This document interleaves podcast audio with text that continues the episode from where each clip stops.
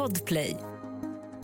Vi vaknade upp i Ulf Kristerssons Sverige. Det är onsdag, det är D-Daily Messiah, ditt nyhetsflöde med mig, Messiah Hallberg. Klara Doktorow. John Wilander Lambrell. Det var en ganska intressant grej som hände mig på, um, ja, jag var ju på turné, eller jag är på turné när jag inte står här så är jag ofta på, på turné. Då var jag nere i Lund i helgen, bodde då på, det är väl ett av Sveriges finaste hotell, Grand Hotel i Lund. Eh, otroligt, den gamla skolan, en av få hotell som inte är uppköpta av en sån här eh, stor eh, kedja. Jaha. Ja, men det är, det är otroligt. Det är, det är en, eh, den gamla skolans hotell. Det, det finns ju några, det finns ju liksom så Steam och Eller och sån här Mm. som är lite mer, vad ska man säga, det är mer för knullande nymodiga par. Men för folk Jag som... var på ett sånt knullande nybonligt eh, hotell Ja. i helgen faktiskt. Ja. Ja, ja, vilket då? Eh, Alma i Visby. Det var, Ja. det var lite knullig stämning. Ja, men det är ganska fint. Mm. Det är fint. Men det, det är liksom en annan skola. Det här är mer eh, för, för folk som har slutat knulla. Okej. Och jag.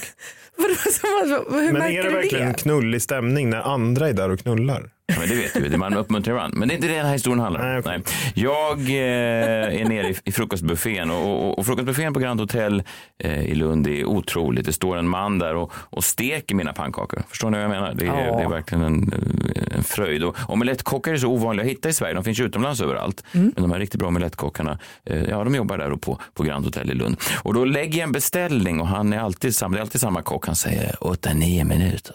Och jag lägger min beställning precis i tid så att jag ska hinna äta då mina, mina toast och dricka min glas. De har som väldigt grön, god äppeljuice. Eh, och så äter jag kanske något litet ägg. Eh, och så vet jag att när jag är klar med det här, då kommer min omelett vara alldeles eh, perfekt. Och jag gör alltid en liten specialbeställning. Jag tar extra chili, för det är ingen annan som gör. Eh, och jag tar extra rödlök. Det var en 40-årsfest i lokalen, så det var ganska stökigt. Och jag tänkte nu, har verkligen den här omelettkocken eh, ögonen på omeletten så att säga? Ja. Det är väl det första man får lära sig. Håll ögonen på omeletten.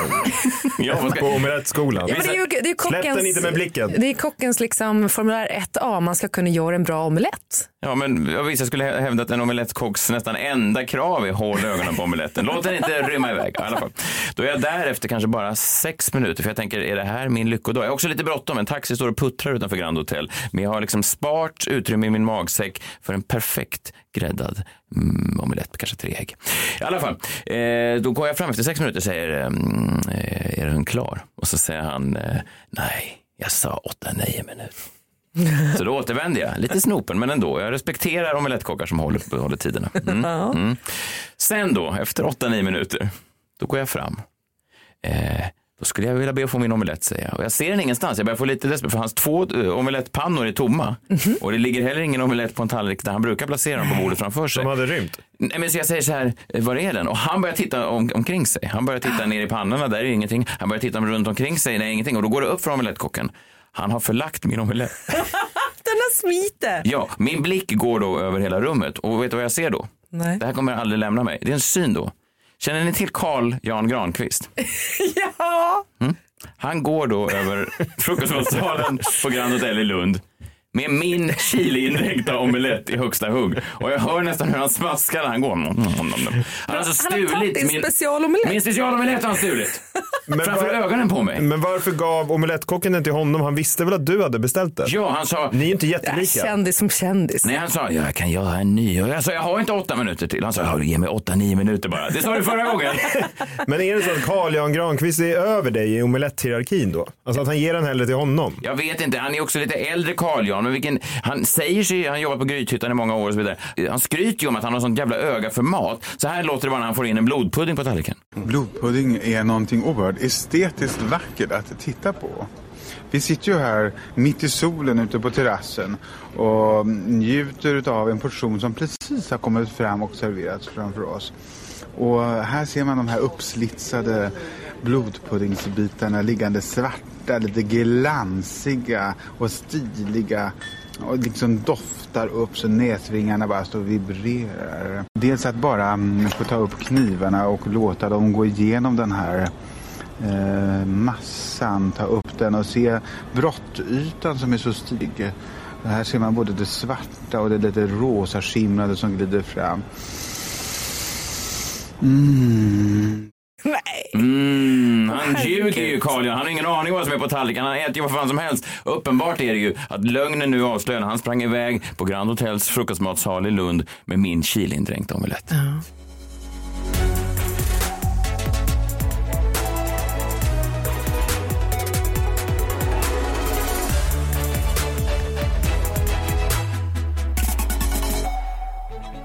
Morgon på er, onsdag, lill-lördag. Jag har hämtat mig efter omelettchocken. Vi ska gå igenom vinnarna i rö rö rö röda tråden. Vi ska också eh, gå igenom en grej som du tog upp i fredags, John. Vi ska svara på en fråga som du hade då eh, angående de här musikstyckena. Du ställde ju några frågor och eh, våra lyssnare är kanske mest uppmärksamma i landet. Om vi... Låtarna, ja. Vad sa du? Låtarna, inte musikstyckena. Nej, men låtarna, musikstycken. Det var några fina bitar du spelade. Ja, det är ja, låtar tror jag. fina bitar. Ja. Igår så eh, kom de då fram en efter en, Ulf Kristerssons nya regering. Marionetterna, som de också kallas i vänsterpress. Marionetterna. Ja. Ja, ni vet ju, det sitter ju en annan herre bakom med fingrarna i rumpan på allihop. Ja, Han styr dem. Ja, han har en på lillfingret. Ja, spännande. En på långfingret. Ja, men det är roligare att titta på de här regeringsbilderna om man tänker att det är en finger i rumpan bakifrån. Annars är de inte jätteroliga att titta på.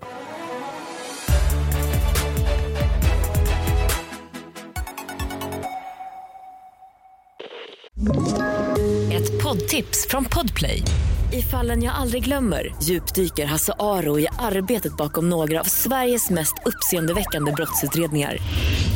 Går vi in med hemlig telefonavlyssning och, och då upplever vi att vi får en total förändring av hans beteende. Vad är det som händer nu? Vem är det som läcker? Och så säger han att jag är kriminell, jag har varit kriminell i hela mitt liv men att mörda ett barn, där går min gräns. Nya säsongen av Fallen jag aldrig glömmer på Podplay.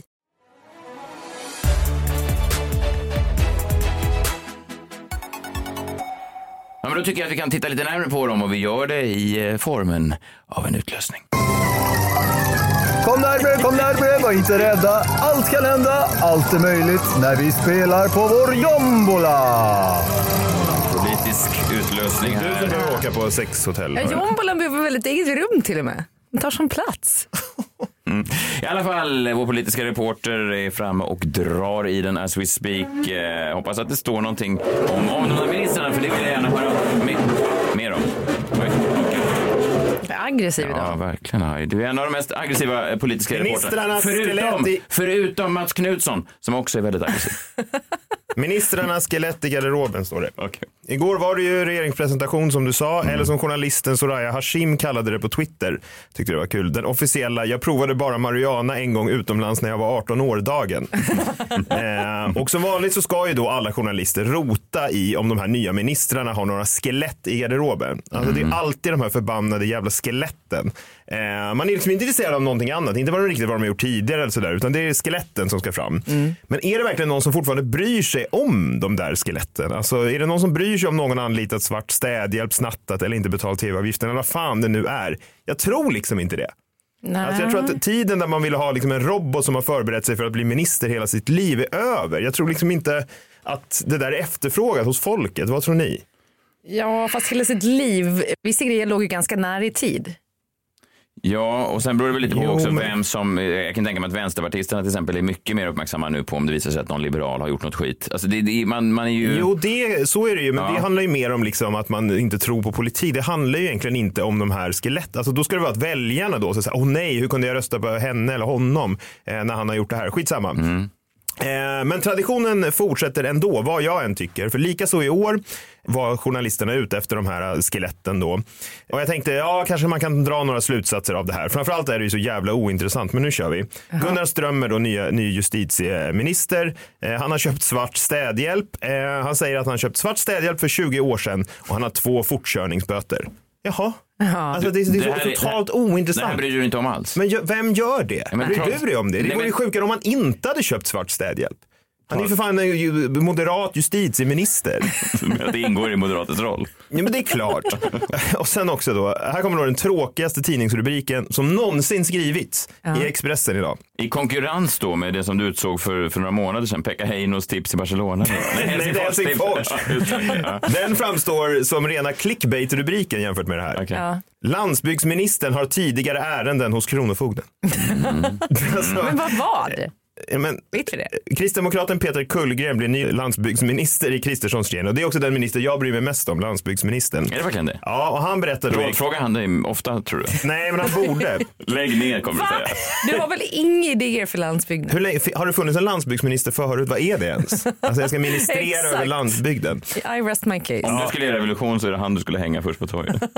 Peter Kullgren. Ja, och han då, vad tror ni han har gjort? Han säger, jag har kört för fort två gånger. Jag har kört mot rött en gång och då blev jag av med körkortet. Det, är- det är ungefär så det är. Ja, jag med. Och då Okej, men då frågade, det var ju också Widget. Fast på en moppe. Ja, jag vet inte. Och då frågar du en följdfråga som journalisten på Expressen har som måste ifrågasatt sitt val av utbildning när han ställer den här frågan. Varför körde du mot rött?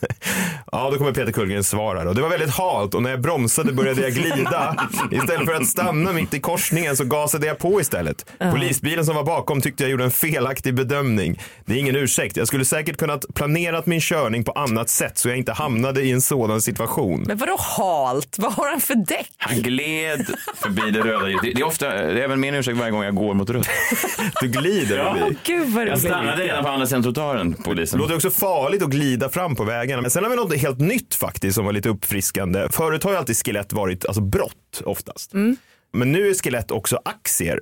Carl-Oskar Bolin blir minister för en helt ny post, minister för civilt försvar. Eh, vilket låter obehagligt och det känns som att man som civilperson kan dras in i något försvar. Han Det är, nog, det är nog det han eh, Ja, det är det. för, då, när Carl-Oskar kommer och knackar på dörren. Han Fan, jag tänkte på- inte på det förrän jag läste det nu. Det är han som kommer. Det är det sista man ser innan man blir inkallad till Gotland eller vad fan det är som behöver Som sliter försvaras. upp dig ur din sån puff som du sitter i. Åh fy fan, det här borde ju vara... Ja. Vadå, du har en sån här beansack? Är det det Ja, han men, har hemma? men det är som de här videorna man ser de här conscription officerna som står runt om i så här ryska trappuppgångar. Karl-Oskar kommer ju stå i en trappuppgång en dag. Har du sett hur han ser ut? Han ser ganska mm, allvarsam ut. Ja, jag kan tänka mig att han står där med papper och säger nu är det dags. Ja, han säger då att alla hans aktier i olika företag är avyttrade. Det har jag gjort på eget initiativ, säger Karl-Oskar. Wow, eget initiativ så har han sålt sina aktier. Fruktansvärt ointressant. Ja, ny kulturminister av Parisa Liljestrand. Har ni hört talas om henne tidigare? Nej, faktiskt inte. Nej, men jag såg att folk, eh, kulturministrarna går de åt ganska hårt. De, vill, de har ju höga krav på, eh, på kulturministrarna. Jag vet inte varför det ska finnas en kulturminister överhuvudtaget. Det låter ju, det låter ju lika onödigt som landsbygdsminister. Men, men. Hon säger då, min kompetens bottnar både i mig som person men också i min arbetslivserfarenhet. Hon säger då, jag har ingen erfarenhet inom kulturpolitiken. Däremot har jag jobbat med kulturfrågor på kommunal nivå. Och trots att jag inte har en aning om vad det innebär att jobba med kulturfrågor på kommunal nivå. Det var den värsta Så nivån! kan jag inte tänka mig något tråkigare. Nej, men det är också, förlåt, men på, på kommunal nivå så är väl inte kulturen alltid jättehög? Eller? Men jag vet inte ens vad det betyder. Konst på, finns det kommunanställda som gör konst? Då, Det är eller? fars och sånt där. Man har ju... eh, Det alltså, ja. Är det kommunal, går det på kommunbeskattning? Ofta men är det det väl Skara-revyn och sånt där. Kan det, Ja, men det betalar inte folk biljett, privata Jo, det biljett? kanske Betalar, jag- betalar jag för det här? Det kanske de gör, men, men just, eh, jag har ju lite kul apropå hon då Parisa Liljestrand. Jag har ingen koppling tror jag till Jens Liljestrand överhuvudtaget. Vad jag vet, det kanske hon har. Jag tror inte det. Har han gått hårt åt henne?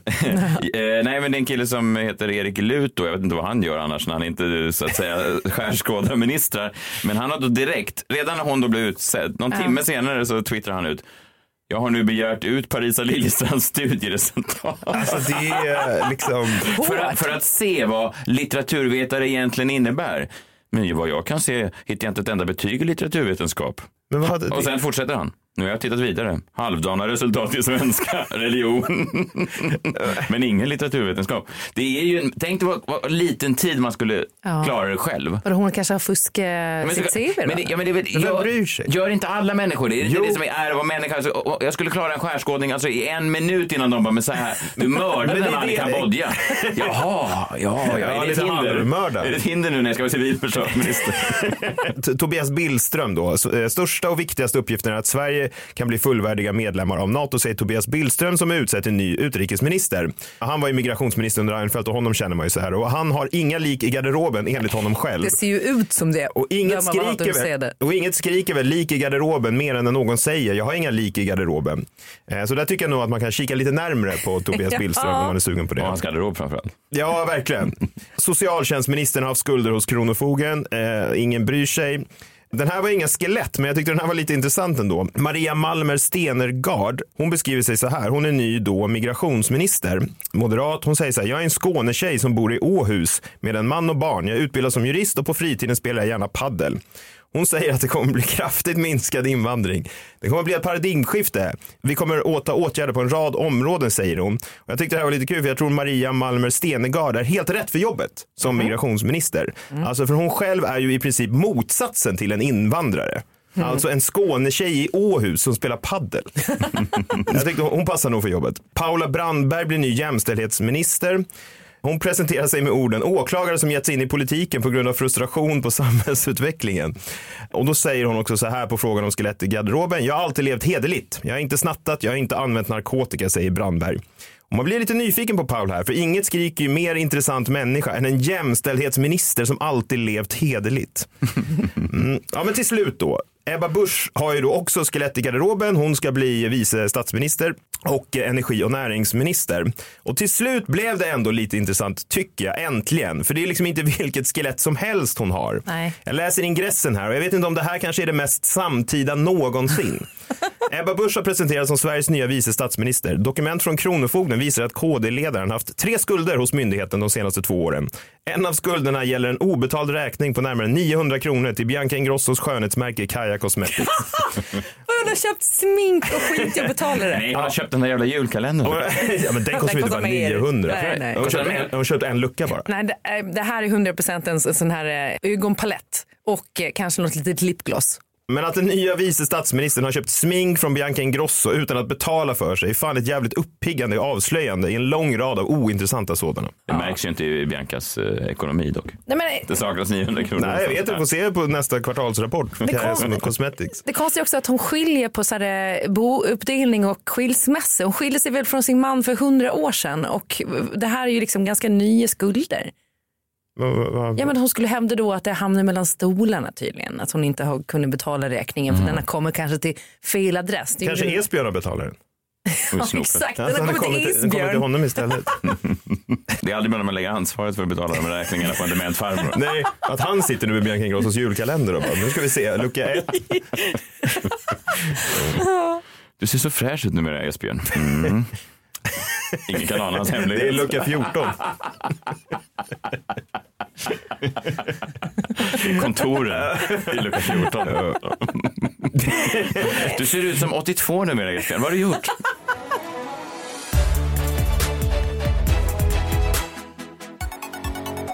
Det blir mer om ministrarna sen eh, längre fram, eh, Klaras öppna brev idag, går till en av de nyutnämnda ministrarna, eh, nämligen den, den yngsta av dem. Va? Ja, Romina Pourmokhtari som då är eh, ny klimat och miljöminister.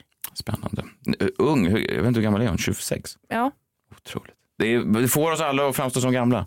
Men, som tur är har jag också ett S i rockärmen. Jag ska precis avslöja hur det gick i röda tråden. 38 år gammal och står här. Kommer ni ihåg Röda tråden? Det blev ju sån succé. Jag spelade ju den igår och folk har verkligen hört av sig. Det är väldigt roligt. Jag vet inte riktigt. Vi har fått in en hel del. Jag sa ju det. eh, Ni som inte har lyssnat, det är då en, en tävling. Eh, Man ska hitta en röd tråd mellan tre låtar som, som vi spelar upp. Eh, Det är ett ord ofta och, och då hör man av sig till oss och meddelar vilken man tror att den röda tråden. Det finns en röd tråd mellan de här tre låtarna. Där har namnet. Eh, Och, men jag sa ju det att fallgroparna är många och det är många som gick bet direkt. Vi ska se här. Denise Reindler i Göteborg säger det går ej att ta miste denna gång. Den rö rö röda tråden kan inte vara annat än knullig stämning av sin tid. det blir fel då. Ja, det var fel. Knullig stämning av sin tid. ja, det var Det var avancerat ändå. Jag vet, men det var tydligt att det finns fall, fallgroparna är många. Men får vi inte höra låtarna? Sa du? Får vi inte höra låtarna? Jag kan inte spela låten igen, men, men det var i alla fall, eh, låtarna var eh, Norli och KKV, där jag hänger min hatt.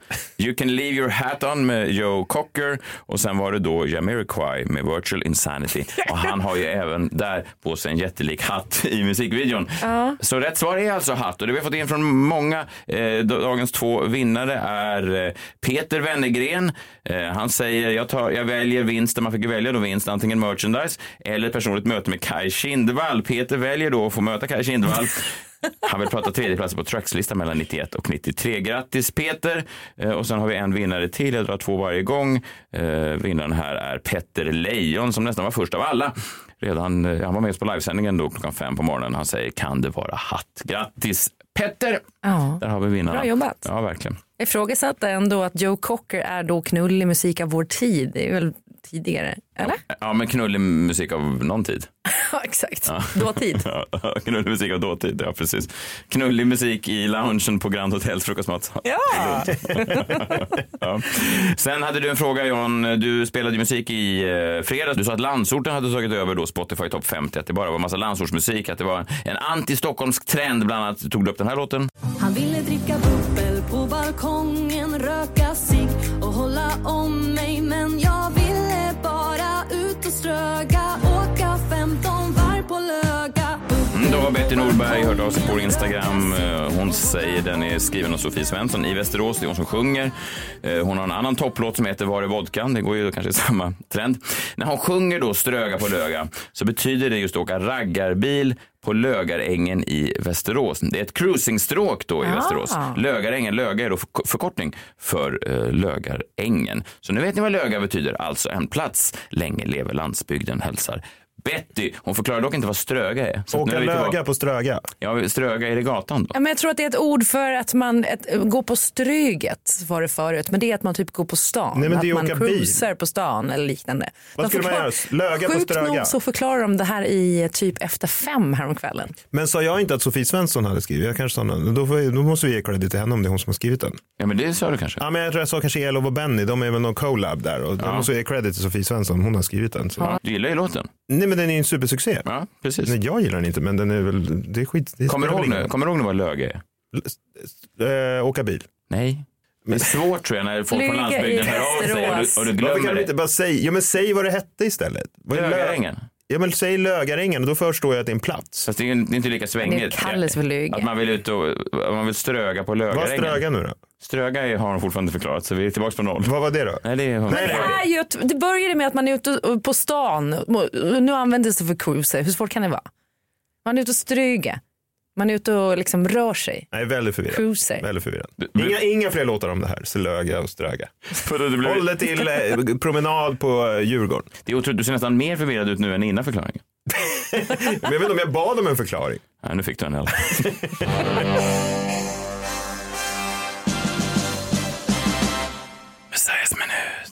Så var det då dags i helgen så gick det inte bara en utan två episoder av Bianca Ingrossos eh, talkshow. Jag vet inte om ni har sett dem, men jag har sett dem så ni behöver inte ha sett dem om ni inte nu vill se dem. Vill ni se dem kan ni se dem ändå för de ligger ju såklart på play.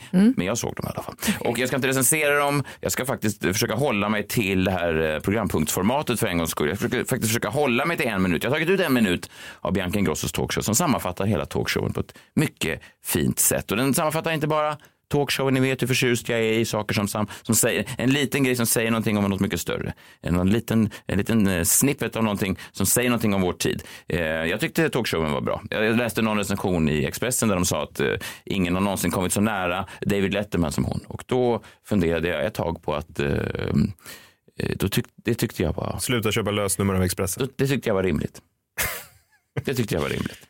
Mm. Eh, De menar då att hon ställer frågor som, eh, ja hon är alltså inte rädd för sina gäster. Hon ställer frågor oberoende av vem som är gäst. Hon ställer frågorna som du och jag eh, kanske.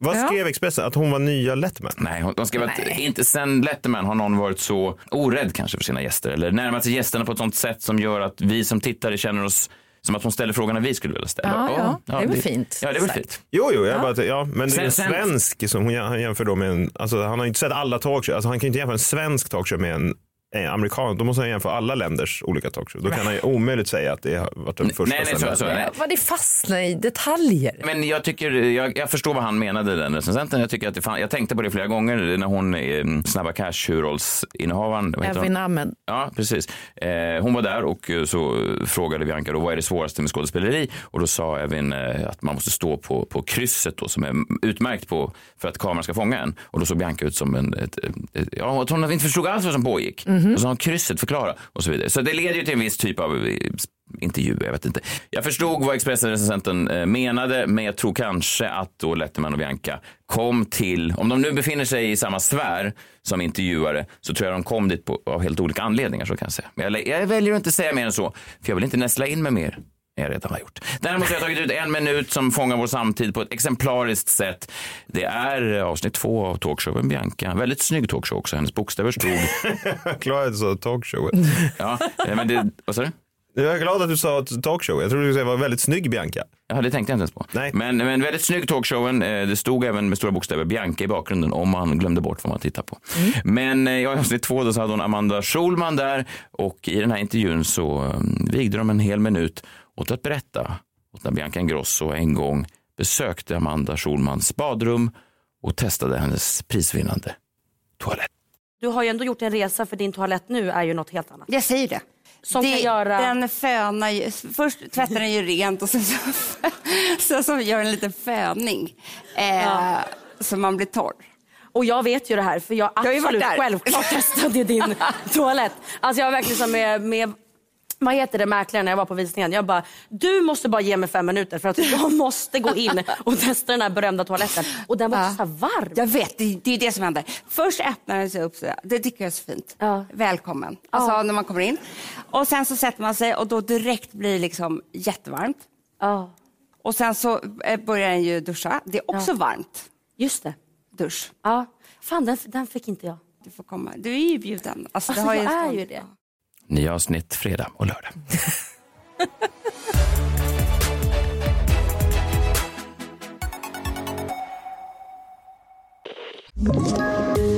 Poddtips från Podplay.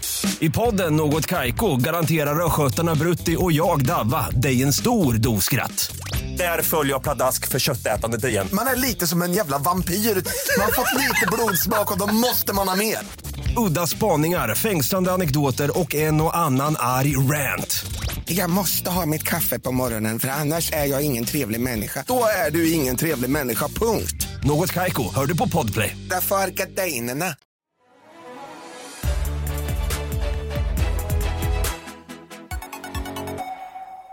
Har ni testat en sån toalett någon gång? För jag var hemma hos min kompis Sofie, hon har ju eh, såna toaletter. Och den strålen, den är skarp. Alltså den, är, den gör ont nästan. Men, Men- det behövs ju för att den ska göra rent. Men, men den träffar in i, Den träffar rätt in i, i, i stjärnan liksom. i stjärten. Ja, och den vet exakt vad den ska, jag vet inte hur det går till. Men den träffar alla rövhål. Alla. Helt perfekt. Hur många har du testat? Alltså, Vadå, är det sådana här vapen som USA har skickat till Ukraina? HIMARS. jag lovar att det är det de använder för att liksom rikta teknik. in missilerna. Det är Pentagon-teknik. I Pentagon-toaletten. Nej, alltså det är liksom träff varje gång. Otroligt. Det är otroligt. Träff varje gång. Är det sloganet? Ja, jag tror Ja, det. jag förstår. Okej. Och ren blir man. Ja. Dags nu för Klara Doktorov att skriva ett brev. Ja, jag tänkte idag att mitt brev skulle gå då till vår nya klimat och miljöminister eh, Romina Pourmokhtari. Så det kommer här. Kära Romina Pourmokhtari. Jag vill börja med att gratulera dig till ditt nya jobb som Sveriges klimat och miljöminister. Det är ett jobb och ett departement som behövs nu mer än någonsin. Eller ja, hoppsan. Departementet lades ner. Så där lägligt när det fick sin yngste chef. Jag vill inte dra några paralleller, men när jag blev fast anställd som exekutiv producent med personalansvar på SVT så var jag en av de yngste som fått det jobbet. Dessutom som kvinna. Det kändes enormt. Jag var 26 år gammal och chef för nästan 100 personer på helårsbasis under min tid på företaget. Problemet är att folk vill inte ha en chef som är yngre än de själva. På sätt och vis tycker jag att det är lite taskigt att som arbetsgivare ge en människa under 30 som aldrig haft ett riktigt jobb en chefsposition. Se bara på Kim Jong-Un. Han kunde väl kanske inte riktigt hjälpa att han fick just det jobbet men han såg ju till att eliminera konkurrensen otroligt fort måste man säga. Så det verkar ju som att han gillar läget ändå. Att vara ung chef är ett ansvar många drunknar i, även utan kärnvapenkoder. Jag gjorde det själv under min tid på SVT och när jag kom ur det efter fem år vaknade jag fortfarande kallsvettig på nätterna en lång tid efter och min man brukade säga att jag hade skrikit om arbetsmiljöronder och fackförbund i drömmarna. Att vara chef är inte kul, men att vara chef under 30 är ett riktigt jävla fittjobb. Oj, jag vet inte om de sålde in det så till henne. Men... Jag tror inte det heller, men det borde de kanske ha gjort. Ja. Det önskar jag inte ens min värsta fiende helt ärligt. Istället för att göra någon slags bare minimum och hänga på trädgården och kryka från klockan 16 så får man deala med människor och allt det där som kommer med människor. Någons pappa får en hjärtinfarkt. Tre av fyra är deprimerade och aldrig samtidigt utan i något slags depressionskanon där de drar med varandra och faller som dominobrickor. Romina, har jag berättat om när en anställd till mig var suicidal? Eller att en annan hade ätstörningar och fick mig att gråta? Ska jag berätta om när jag fick ha ett samtal med en människa om hens alkoholproblem? Eller samtalet med den där medarbetaren som lämnade bajsränder i toaletten varje dag? Mm, Varför inte medvetet? Alltså, det, var, det var medvetet. Det var en det är därför vi var tvungna att ha De hade ett inte samtal. Pentagon-toaletten. Nej, de hade inte det. Och människan vägrade konsekvent att använda toaborstet. Det var helt sjukt. Av princip religiös anledning. Jag vet inte. Det var har- haram. Ja, någonting var det i alla fall, men det var inget kul samtal. Det är i och för sig lite haram tycker jag, röra avföring. Om jag ska, om jag ska tycka något Ja, om man ändå ska slänga in lite grejer där så borde ju det verkligen vara Ja. Okej, tillbaka till brevet. I ljuset av det får jag kanske säga att det var tur att de lade ner ditt departement. Jag antar att stora delar av personalansvaret liksom försvinner när man inte har någon personal. Men förhoppningsvis så kan du rädda klimatet ändå. Och om du behöver ett par extra händer kanske du kan ta hjälp av gigonomin. Där finns inga jobbiga chefer som ser till att de som gör det faktiskt överlever arbetspassen. Önskar dig lycka till, din unge chefskompis Klara. Vad fint. Vad fint. Frågan är om hon lyssnar på dig nu när du inte är lika ung längre. Hon kanske tycker att du är en av de gamla som försöker hålla ner de unga nu. Förstår du? Ja, men det är ju där problemet ligger. Att som ung måste man ju alltid lyssna på de äldre med erfarenhet. Man får aldrig glömma att de äldre har en erfarenhet man fan inte har när man är 26 år gammal. Hade- Och om du lyssnar på henne, hon låter ju fortfarande som ett barn och hon är fortfarande naiv som ett barn. Och hon kommer att slås ner av verkligheten och av världen. Det lovar jag. Det gör man. Bankes ner bara. Men om någon hade kommit eh, till dig då i 40-årsåldern när du var chef på SVT och sagt eh, nu ska du lyssna här på mig lite grann. Jag har lite visa råd till dig ditt lilla barn. Hade du då lyssnat eller blivit irriterad? Ja, men det är klart att man hade blivit lite irriterad men hade hon varit en kvinna och kom till mig så hade jag nog öppnat armarna ändå och tänkt så här, tack fan ge mig de råden jag liksom behöver. Hade du också lyssnat För- på råd från han som eh, inte använder toaborste? Nej, men det är väldigt få människor under 30 som faktiskt är bra chefer. Jag tror de flesta kan skriva under på det. För man behöver ha livserfarenhet för att kunna hantera människor. Men som sagt, hon har väl typ ingen personal nu eftersom de har lagt ner departementet. Och då, vem är det som jobbar under henne då? Jag vet inte. Nej, inte jag heller. Det är ju intressant det där med, med ålder. När man är ung, när man var yngre så tyckte man ju, då var man stack upp långfingret hela tiden till folk som var äldre och kom med tips. Mm. Och sen så långsamt förskjuts det och så tycker man, jag kommer ihåg när någon sa åt mig när jag började som komiker att jag gick då efter mitt gig så sa de så här, vet du vad, det är bra för dig att, att lära, stanna kvar liksom och lära dig någonting av de andra lite äldre erfarna. Ja. Och så, vad, fan, vad kan ni lära mig? och sen typ eh, några år senare eh, så, så var ju Johanna Nordström då min öppningsakt på min turné och alltid när jag kom in i logen efter mina gig då låg hon där på en soffa och sov. så sa jag, vad tyckte du om gigget? Är det över nu eller? Då, då, vill jag, då, vill, då, vill jag, då vill jag säga, eh, du kanske har någonting att lära, lära dig av mig av, av Ja. gammelpappa. Men sen sprack ju det när hon sålde ut Globen sju gånger. Så att, Trots att hon sovit igenom dina lektioner. så att jag hade ju inget att lära henne ändå. Men det var ju Ja, eller tanken. så kanske du hade det. Ja, det beror på hur man bedömer comedy. Strunt samma. Vi eh, hörs imorgon. Det var kul tyckte jag. Vi gör om det samma tid imorgon. Hoppas ni är med oss då. Eh, ta hand om er då. Hej, hej. Hej! hej.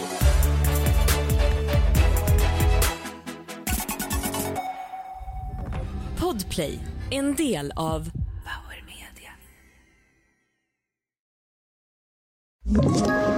Ett poddtips från Podplay. I podden Något Kaiko garanterar östgötarna Brutti och jag, Davva, dig en stor dos skratt.